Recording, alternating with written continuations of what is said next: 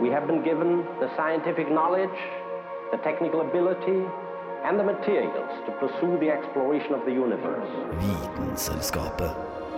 Stedet der vitenskap møter underholdning. Ignition sequence start.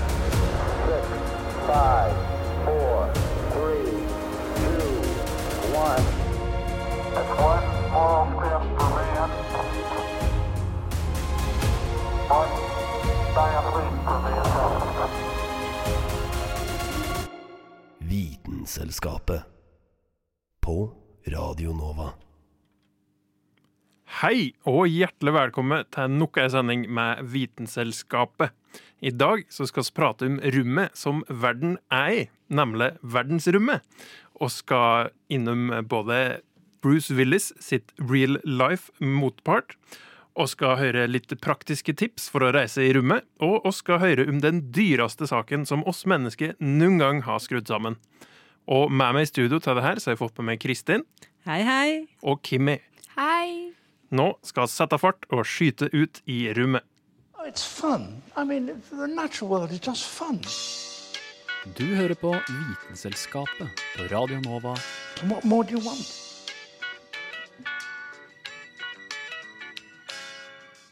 Og Kristin, nå i det siste så har jo det vært noe breaking news på eh, verdensromfronten. Fordi oss har drevet og skutt noen raketter i sikte mot noe spesifikt. Ja, det her har jo blitt sammenligna med Hollywood-film, eh, og det er jo nesten som man skulle tatt det rett ut av det filmatiske univers. Eh, Du nevnte Armageddon. Den filmen hvor de fyrer opp noen oljeborere, tror jeg de er, eh, opp på en asteroide for å sprenge den. Det her er ikke helt det samme. Det er ikke noen folk som har blitt sendt opp eh, noe sted, men det er da altså en satellitt som er blitt sendt opp mot en eh, asteroide. Og den asteroiden heter eh, Dimorphos. Den er eh, en bitte liten eh, asteroide på 160 meter i diameter. Så nok, nok til at det gjør vondt. Nok til at det gjør vondt hvis det treffer, ja. Eh, den eh, er faktisk en slags måne. For den eh, går da i liksom tospann med en annen asteroide som er ganske mye større, eh, 760 meter større, og som heter Didymos. Og disse to asteroidene, de har vel egentlig farta rundt i verdensrommet og ant fred og ingen fare. Og lite visste de at for eh, sånn ca. elleve måneder siden så eh, skjøt NASA opp en eh, satellitt som heter DART. Og den satellitten, den har da tøffa i vei mot målet sitt og rett og slett krasja inn i Dimorphos. Ganske spektakulært og egentlig veldig imponerende, at, han, at han har klart å treffe et mål som er såpass lite i liksom verdensromsammenheng eh, fra en så stor avstand. Så eh, det syns jeg faktisk var veldig imponerende. Ja, det er helt utrolig. Så formålet med det her, eh, for dem som ikke har sett Armageddon Nei, altså hele konseptet i Armageddon er jo at det er en asteroide på vei mot jorda eh, og vil utslette alt liv. Eh, og den tanken om at vi mennesker eh, kan skyte opp noen ting eh, for å da enten sprenge en farlig asteroide, eller i hvert fall få den ut av kurs, det er jo en tanke som man har hatt en stund. Så dette her er rett og slett en test for å se om vi mennesker kan klare å forsvare oss selv da, mot asteroider som er på kurs mot jorda. Men nå skal det sies at den eh, Dimorphos-satellitten som de skøyt mot, den eh, var ikke noe fare for jorda, og det var vel egentlig derfor de valgte den også. Eh, Det vil si, det var ikke noe fare for jorda før de skøyt på den.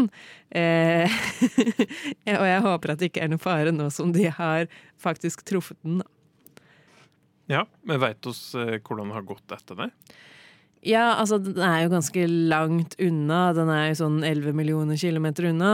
Sånn at eh, det kommer til å ta litt tid før de kan si helt sikkert akkurat hva som Altså hvor mye det er påvirka, da. Men eh, de anslår allerede at den ble flytta omtrent 1% nærmere Didymos. Og jeg tror det er også noe av grunnen til at de valgte to som går sammen.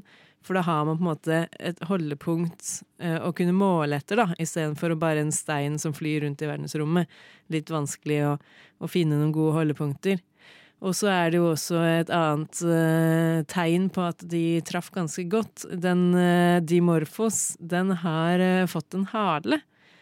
Eh, og den halen er sånn eh, mellom eh, 10 til 50 000 km lang.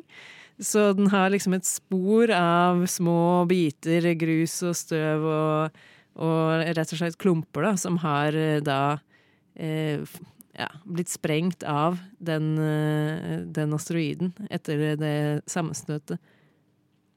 Så vi klarte i hvert fall å skape en hale, og tilsynelatende dytte på kursen. Altså, vi klarte å skape litt mer romsøppel, kan man jo på en måte si. Eh, så, men det er jo en litt sånn artig greie, eller en litt sånn interessant ting, da. At man i det hele tatt har klart å gjøre det. Og det kan jo godt hende at dette her er noe som kommer til å bli nyttig i framtida. Eh, jeg leste, og det syns jeg var litt interessant, at i 2005 så fikk NASA oppdrag om å finne ja, 90 da, av alle asteroidene som er store nok til å ødelegge en by, så relativt store. Eh, men viste de fikk ikke noe penger til å gjøre dette her. Eh, så man anslår at det er omtrent 15 000 asteroider som er av den størrelsen, og som ikke er kartlagt. Oi! så det kan jo godt hende at eh, man blir nødt til å bruke denne teknologien som de nå har testa ut, da. Eh, men det skal også sies, bare sånn at ingen skal gå rundt der hjemme og være redde. De har kartlagt de aller største, altså de planetdreperne, da, som de ofte kalles. Og det, der sier de 100% det her går bra, det er ingen av dem som er på vei mot jorda. Og det er jo i hvert fall eh, Jeg syns at det er litt betryggende. Så jeg tror vi kan sove litt eh, tryggere, egentlig. Vi veit at vi har et forsvar som eh, Hvis eh, vi får sånn elleve måneder eh, forsprang, så kan vi faktisk unngå at den treffer jorda. Og så er vi veldig heldige med at det er, verdensrommet er veldig stort, så vi trenger ikke å være veldig bekymra for at det kommer noe, noe nær framtid. Tusen takk, Kristin.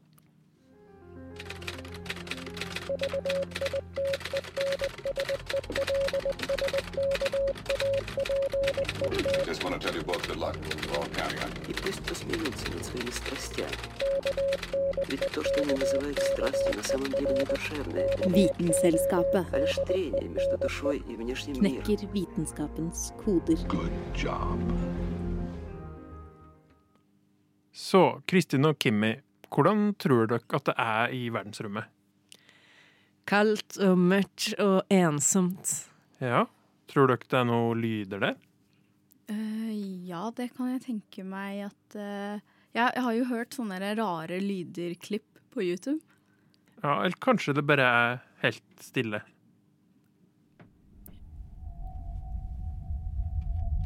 Det er en myte at det er helt stille i verdensrommet. Altså, det er veldig stille der oppe, fordi det meste av verdensrommet består av vakuum.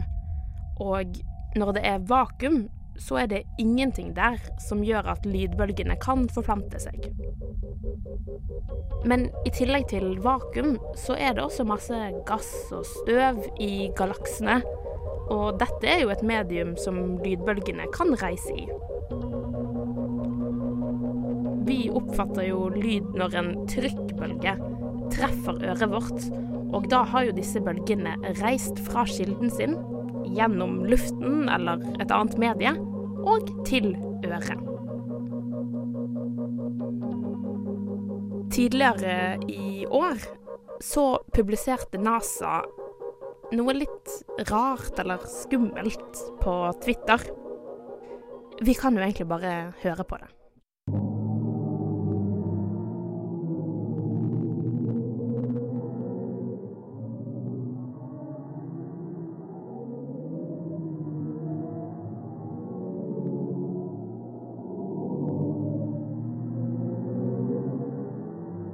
Skummelt. Det var i hvert fall ganske mange som syntes at det her var ganske skummelt, eller at det var en veldig ekkel lyd. Fordi det høres jo litt ut som en skrekkfilm. Andre ble også veldig fascinert, fordi dette her er faktisk lyden av et svart hull. Et svart hull er et område i verdensrommet der virkelig ingenting kan unnslippe.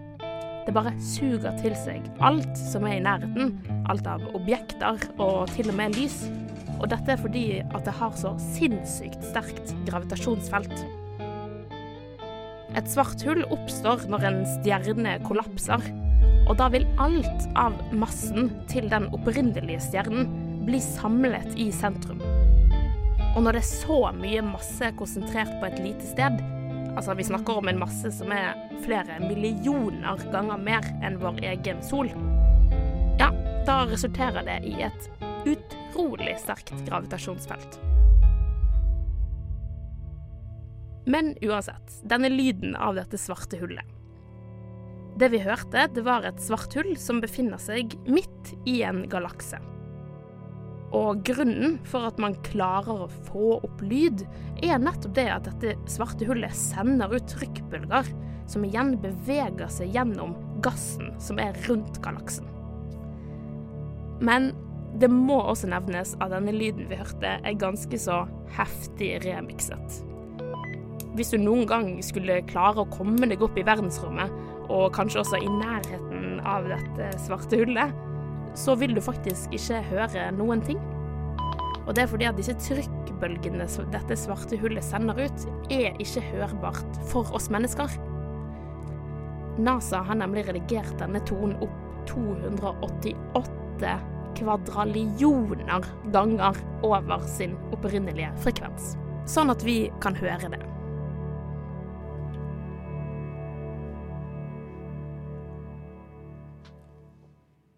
Lyden dere hørte fra dette svarte hullet, det er fra midten av galaksa som heter Persius, som er 240 millioner ljosår unna vår egen jord. Det er òg et svart hull midt i vår egen galakse, Mjølkeveien. Så kanskje en dag så får jeg vite hvordan det høres ut. Det kommer sikkert til å bli like skummelt, eller ekkelt, eller kult. Uansett, denne saken ble laget av Anna Vik Rødseth.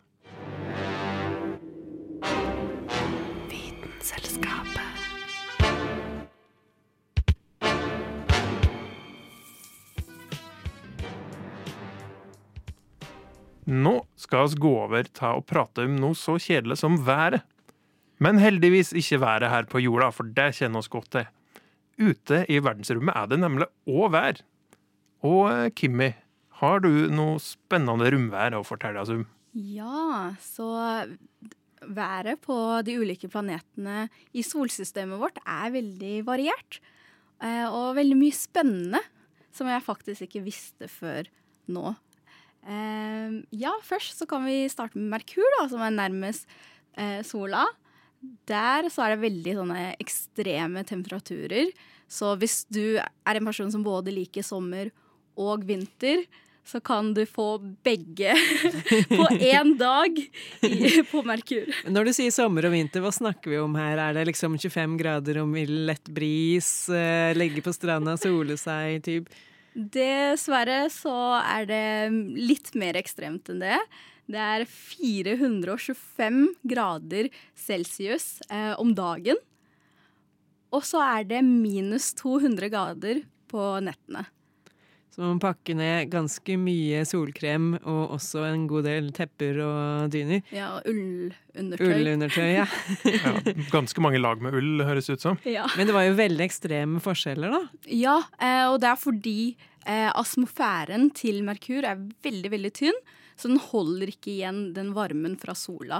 Så man skulle trodd at det skulle være varmere på Merkur, siden det er så nærme sola, men det, det er ikke mer enn det. Eh, I hvert fall om kveldene så er det utrolig, utrolig kaldt.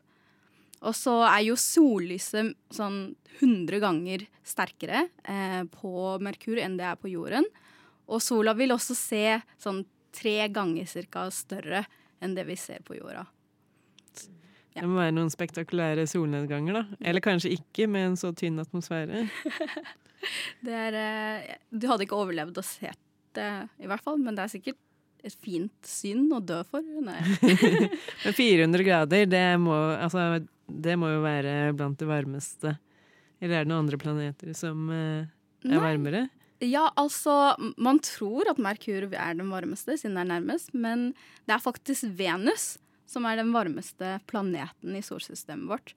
Den er på 450 celsius og er omringet av en sånn skikkelig tykk atmosfære, så det er som Den er eh, pakket inn, da. Som en dyne rundt hele planeten? da? Ja, og det holder på den varmen. Så det er nok til å smelte bly. Eh, ja. Ganske, ganske varmt. Og så er det jo ikke bare varmt på Venus, men der så er det overskyet med svovelsyreskyer. Eh, og da regner det svovelsyre, så hvis du ja, liker det, hvis det er din greie, så er Venus et sted å Hvis det er din greie, så tenker jeg søk hjelp før det er for sent. Eh, det, det høres ikke så veldig sunt ut. Jeg ville faktisk valgt Merkur. Eh, før, det høres ut som en litt sånn hyggeligere måte å dø på. Mm. Men eh, ja, altså regnet treffer deg ikke, da, fordi det er såpass varmt at det blir til gass før det treffer overflaten. Å ja, nei, men da er det jo greit. Bare ikke, ikke hopp for høyt. Nei. ja, og så har vi Mars, da, som er den superkjente planeten vi ofte ser i filmer. Med Med Marsbordet og Marsbordet, det hele. Den Eh, røde planeten. Ja. Nei, men det er ikke så mye spennende som skjer der. Annet enn eh, litt sandstorm. Og så sånne dust devils, altså sånn mini-sandtornadoer eh, på den planen. Å ja, så det blåser litt og er litt sånn ugjestmildt. Ja. Men sånn vær har oss her på jorda òg, så Ja, kjedelig. Neste Ja. planet. Ja, ok, så nå kan vi gå over eh, til noe som er litt mer spennende. Det er eh, nemlig diamantregn. Ok, det her høres eh, betraktelig bedre ut, ja. Ja, så det finnes på Saturn, Jupiter og Neptun. Altså, verdiene er jo bare De er der ute. Det er bare å dra til eh, verdensrommet, håve inn, da, tydeligvis. Ja, eh, kanskje. Eller kanskje ikke. Det er bare en teori, faktisk. Så det er ikke helt sikkert at det faktisk skjer. Men eh, teorien er sånn at eh, fordi for eksempel Saturn da, har skikkelig sånne intense lynstormer. Eh, altså de har sånn ti streiker per sekund. Eh, og det kan føre til at liksom metanmolekylene i atmosfæren bryter opp. Og så blir det om til karbonatomer eh, som da flyter fritt og faller ned mot bakken. Eh, men så går den gjennom den tykke atmosfæren på Saturn, som på en måte presser eh, og trykker inn helt til det blir sånn bitte, bitte små diamanter som regner ned. Ok, Så det er ikke liksom et lett dryss av, eh, av diamanter. Altså, I mitt hode så tenker jeg jo egentlig at det er sånn ferdig kuttede diamanter så de glitrer og sånn. Eh, men tydeligvis så er det jo full storm på den planeten. Ja. Eller de. Ja. Og, og så er det faktisk ikke diamanter når den treffer bakken. Eh, fordi det blir til en sånn Det, det er så varmt der også at eh, det på en måte brytes ned til en sånn grøtaktig væske på bakken. Så du må liksom catche det i lufta. Ok, det høres jo egentlig eh, utrolig skuffende ut alt sammen. Altså, vi, eh, vi snakker jo mye dritt om været her eh, hjemme på vår planet, Mm. men eh, det er tydelig at eh, alternativene er ganske mye verre, da. Ja, det er det. Er det. Vi, vi tåler ikke så mye, vi skjøre mennesker. Nei, i hvert fall ikke eh, på andre planeter. Men uh, det kan jo hende at en gang i framtida uh, at vi vil klare å forme planeten litt og, og skape litt bedre vær. Jeg vil i hvert fall veldig gjerne synge i Diamantregnet. Da tror jeg at uh, musikalsangstemma blir veid opp for Gjelder å ha på seg en stil. eh, hatt da, Carl. Det gjelder å ha på seg en blyhatt, tror jeg. Tusen takk, vite vet Vitenselskapet.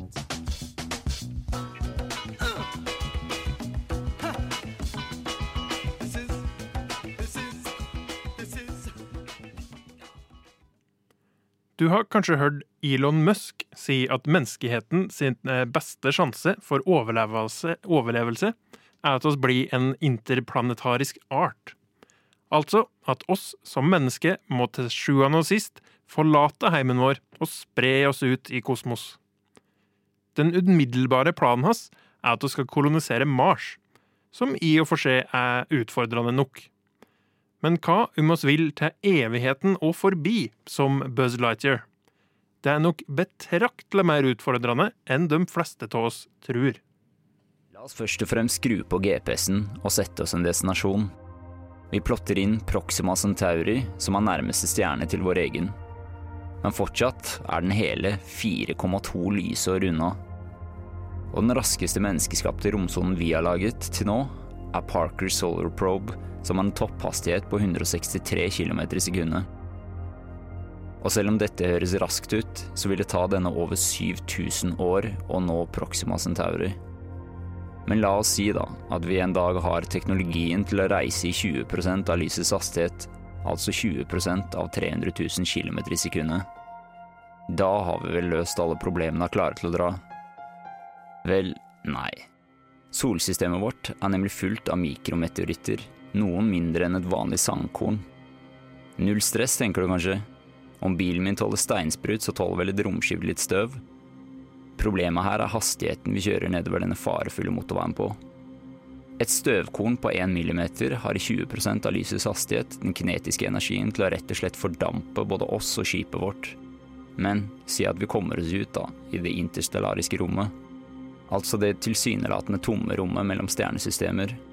Vel, der er nemlig noe som heter interstellart stoff. Hovedandelen av dette er kun gasser, men en liten andel er også små partikler kalt interstellart støv. Og dette støvet, i tillegg til større molekyler som oksygen, er nok til å sakte, men sikkert erodere fronten av romskipet vårt. Dette kan relativt lett løses ved å ha en tykkere plate foran på skipet, i tillegg til å gjøre skipet langt og smalt, slik at overflaten foran blir så liten som mulig. Flott! Da har vi jo løst det problemet. Men hva med stråling? Det er fint og godt å bygge et romskip som kan nå Proxima Centauri, men det er en fordel å ikke bli grilla på veien dit. Det første problemet er hydrogenatomer, som i den hastigheten vi krasjer i dem, blir strippet for sine elektroner og blir dermed til høyenergiske protoner. Det har faktisk blitt gjort forskning på en slik stråling, som viste at mannskap vil motta en dose stråling sammenlignbart med kjernen av en atomreaktor om skipet ikke er godt nok isolert. Som med andre ord grilla. For å unngå dette kan vi ha 1-2 meter med vann eller is i en tank på fronten av skipet. Og siden vi allikevel trenger vann, så kan vi like greit lagre det foran så det bærer to formål. I tillegg til dette må vi ha et lag av bly for å blokkere sekundærstråling. Så ikke det vanskeligste problemet å løse. Men vi er ikke helt i mål ennå. Det er nemlig noe som heter kosmisk stråling. Og den er heldigvis ikke like kraftig som den tidligere formen for stråling som vi var inne på, men den er langt vanskeligere å beskyttes mot, siden den vil treffe skipet fra alle mulige sider. Vi kunne isolert hele skipet med én meter vann, men dette vil føre til for mye masse til at vi klarer å komme opp i den hastigheten vi trenger for å nå frem før alle på skipet har blitt støvete fossiler. Så det ser ut til at vi bare må ta den helserisken og håpe på det beste. Men da var det klart for liftoff. Og som dere sikkert har skjønt, så blir dette en ekstremt vanskelig utfordring, men ikke umulig så sant vi klarer oss med å kun besøke de nærmeste nabostjernene. Hvis vi skal lenger ut, så må vi nok med det første belage oss på en god del pitstopper på veien, og sakte, men sikkert krype oss lenger og lenger ut i det store intet. Og han som står bak denne saken, heter Christopher Ramage. Hæla i taket med Vitenselskapet.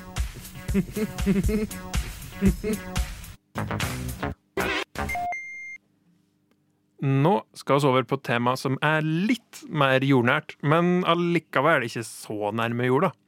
Fordi den største vitenskapelige nyheten på mange, mange år har vært i Kjømda siden før årtusenskiftet.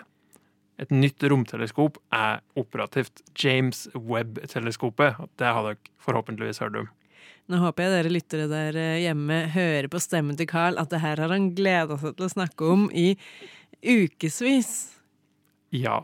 For det her er Å, det er så store nyheter. Det er en helt utrolig eh, ja, bragd, det nye romteleskopet. Og så har jo alle et kjent og kjært forhold til Hubble. Selvfølgelig. Men Hubble er en billig skraphaug sammenligna med James Webb. Hei. Nei, vi er veldig glad i Hubble. Skal ikke, skal ikke prate til Hubble ned. Eh, Så James Webb har da vært planlagt kjempelenge, men det var først 25. desember i fjor at eh, den ble skutt opp fra Koro i fransk Guyana, som da er helt nord i Sør-Amerika. Det er nærme ekvator, så det er, ikke så, det er ikke like langt å komme seg ut. Vi er ikke eh, så interessert i jordas geografi i denne sammenhengen her, tror jeg, Carl. Eh, fortell oss, hva er det som er så spektakulært da, med dette nye? Og den er fullstappa med teknologi som da eh, ikke var i nærheten av på plass når eh, Hubble ble sendt opp i verdensrommet. Og det gjør at eh, oss kan få så mye mer detaljerte bilder. Eh, bilder og bilder, data, da, som de kaller det på fagspråket. Oss kan hente ut så mye mer informasjon fra verdensrommet. Eh, og det er gjort eh, blant annet ved at de har 18 sekskanta spegl som er satt sammen som ei bikube. Eh, og det er grunnen til at eh, jeg sa at det her ble skutt opp i desember i fjor. Men det var først nå i juli at det kom eh, nyheter om at de første bildene var publisert. Fordi her var jo en fryktelig prosess å få til å sitte akkurat riktig. Og for den som fulgte med, så fikk en eh, flere, flere plasser der det kunne gått galt, og en kunne pusta letta ut.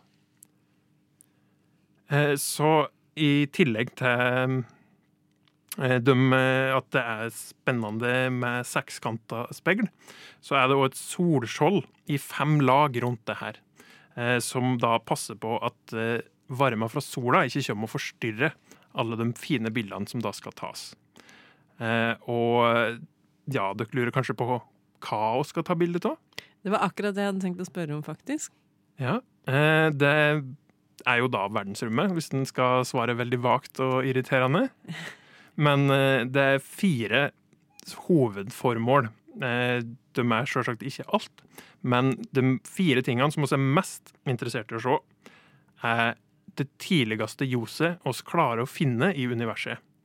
Det er lenge siden Big Bang, men av at eh, ja, rommet ekspanderer og bruker ljos lang tid på å komme seg til oss, så kan vi se bakover i tid. Og da må du ha god oppløsning. Det hjelper ikke å ta bilde med iPhonen sin fra 2002. Til å ha ekstra kraftig blits. Ja, den blitsen motvirker, motvirker litt formålet. Så det de vil ta bilde av, er verdensrommets eldste lys. Ja, så prøve å finne mer informasjon om hvordan det var så langt tilbake i tid og skal komme. Jeg er lurer jo litt ting. på hvordan de kan vite at uh, det er uh, verdensrommets eldste lys. Men det er jo kanskje en sak for en annen gang. Det krever at du har tatt noen år med utdanning for å finne ut av det, tror jeg. uh, Så det, det står ikke skrevet på med tusj på solljoset. Men det er da tidlig ljos. Men så er vi òg interessert i å se hvordan galaksene kom i hop, eh, som òg da er ganske lenge siden. Og så er jeg interessert i å se at stjerner ble født. Fordi først så er det jo bare gass som kommer sammen og blir til stjerner. Det vil oss vite mest om. Og så vil oss vite hvordan planeter kommer til. Og det er Og det kommer til å komme så mye god data. Eh, Det skal operere i ca. ti år, det teleskopet, men den dataen kommer til å oss ha bruk for for eh, fram til oss får et nytt, enda mer fancy teleskop. Så det er bare å glede seg til alle de fine nye oppdagelsene som kommer på bakgrunn av James Webb.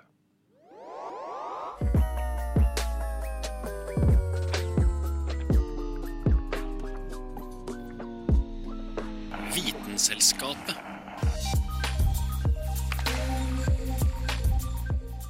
Det var alt oss rakk i dag. Oss kom oss ikke gjennom alt i verdensrommet, men jeg håper at du har lært litt mer og blitt litt mer nysgjerrig på alt som er der oppe. Tusen takk til Kristin Grydland Ha det bra. og Kimmi Le. Ha det. for at dere ble med i studio. Og jeg heter Carl Adams Kvam.